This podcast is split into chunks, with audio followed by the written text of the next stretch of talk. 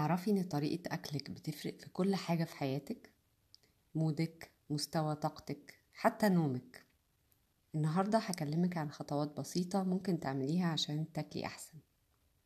أنا نور النحلاوي وإنتي بتسمعي تحت السيطرة.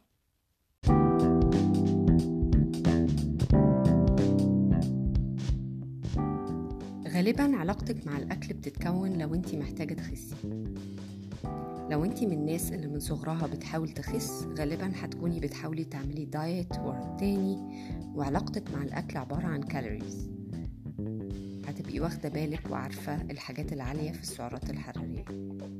بس عمرك فكرتي في تأثير نوعية الأكل على جسمك؟ أكلنا اليومين دول فيه عيوب كتير. أولا ما فيهوش عناصر غذائية أو nutritious value. وده بيعمل مشاكل كتير لأن المقصود من الأكل إنه يوفر حاجات معينة مهمة عشان كل الأعضاء تشتغل صح.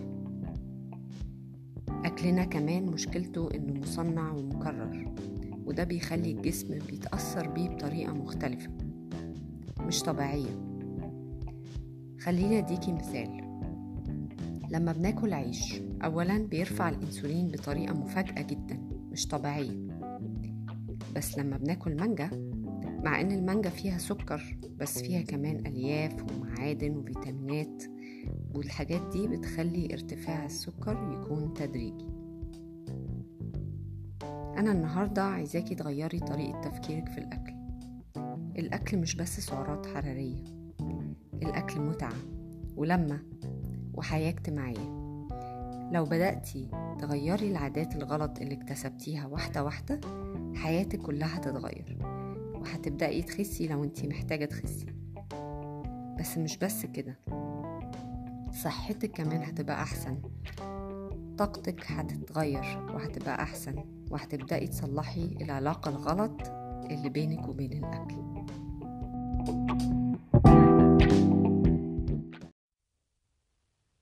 أول حاجة ركزي في مصادر أكلك. لو قدرتي تجيبي خضار وفاكهة مش مرشوشة يبقى كويس لأن المبيدات دي جسمك لازم يتخلص منها لو دخلته. في ناس ما بتقدرش تخرج السموم بنفس الفعالية زي ناس تانية. وتبدأ تتراكم وتعمل مشاكل. على إيه؟ لو مش لاقية عضوي أو دخلك محدود اختاري الحاجات اللي مهم تكون عضوية أو مش مرشوشة زي البطاطس التفاح الفراولة الورقيات. في محاصيل ما بتحتاجش مبيدات كتير عشان تتزرع زي البطاطا الحلوة الأرنبيط أو الزهرة البتنجان ومن الفاكهة الكيوي والأفوكادو.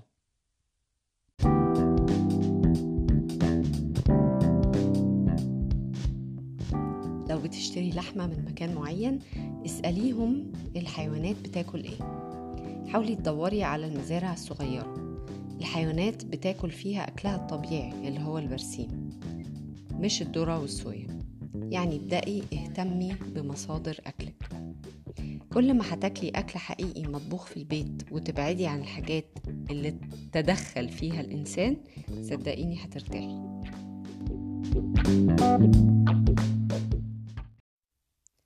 تاني حاجة خلي نص طبقك ألوان.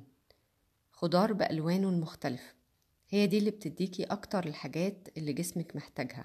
من فيتامينات ومعادن ومضادات للأكسدة عشان يشتغل صح ويدعمك.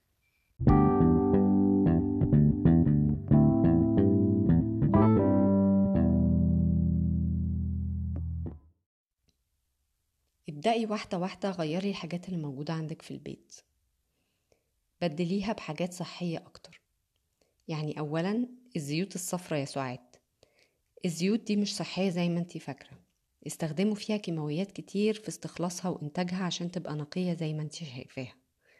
دوري على الزيوت اللي اتعصرت على البارد زيت الزيتون زيت جوز الهند.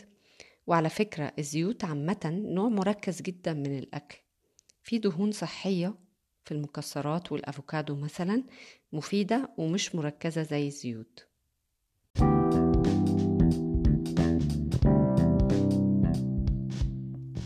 كمان إنك تدخلي الخضروات الورقية أكتر في أكلك. الخس الجرجير الكيل السلق حتى. إحنا دايما بنستخدمه في القلقاس بس هو استخداماته كتير جدا وطعمه حلو. السبانخ مش شرط إنك تعمليها مطبوخة ممكن تستخدميها في السلطات ممكن تستخدميها في ال smoothies الخضروات الورقية فيها معادن كتير جدا وفيتامينات بتغنيكي عن إن انتي تاكلي كمية كبيرة من الخضار والفاكهة العاديين. وكمان ما فيهاش calories كتير لو انتي محتاجة تخسي.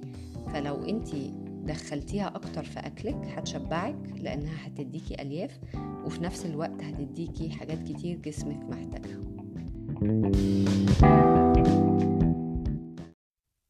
لو فضلتي كده واحدة واحدة تدخلي حاجات زيادة في أكلك جسمك هيحس إن في حاجة كويسة بتحصل. وهيشجعك تكملي. الجسم ذكي جدا ولما بتديه اللي هو عايزه بيقولك كمان لو عملتي كده هتبقي بطريقة غير مباشرة بتزحمي الحاجات التانية اللي إحنا بنسميه crowding out. وهتلاقي نفسك استغنيتي عنها تماما.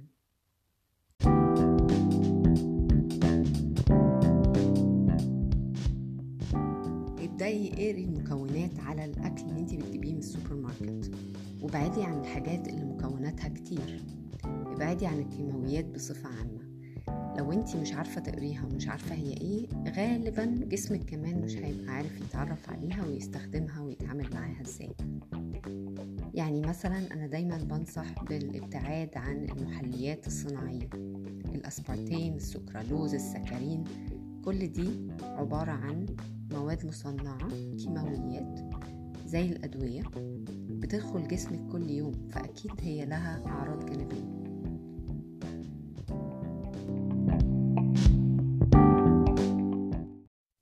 دي كانت حلقة النهاردة واستنيني يوم التلات الجاي.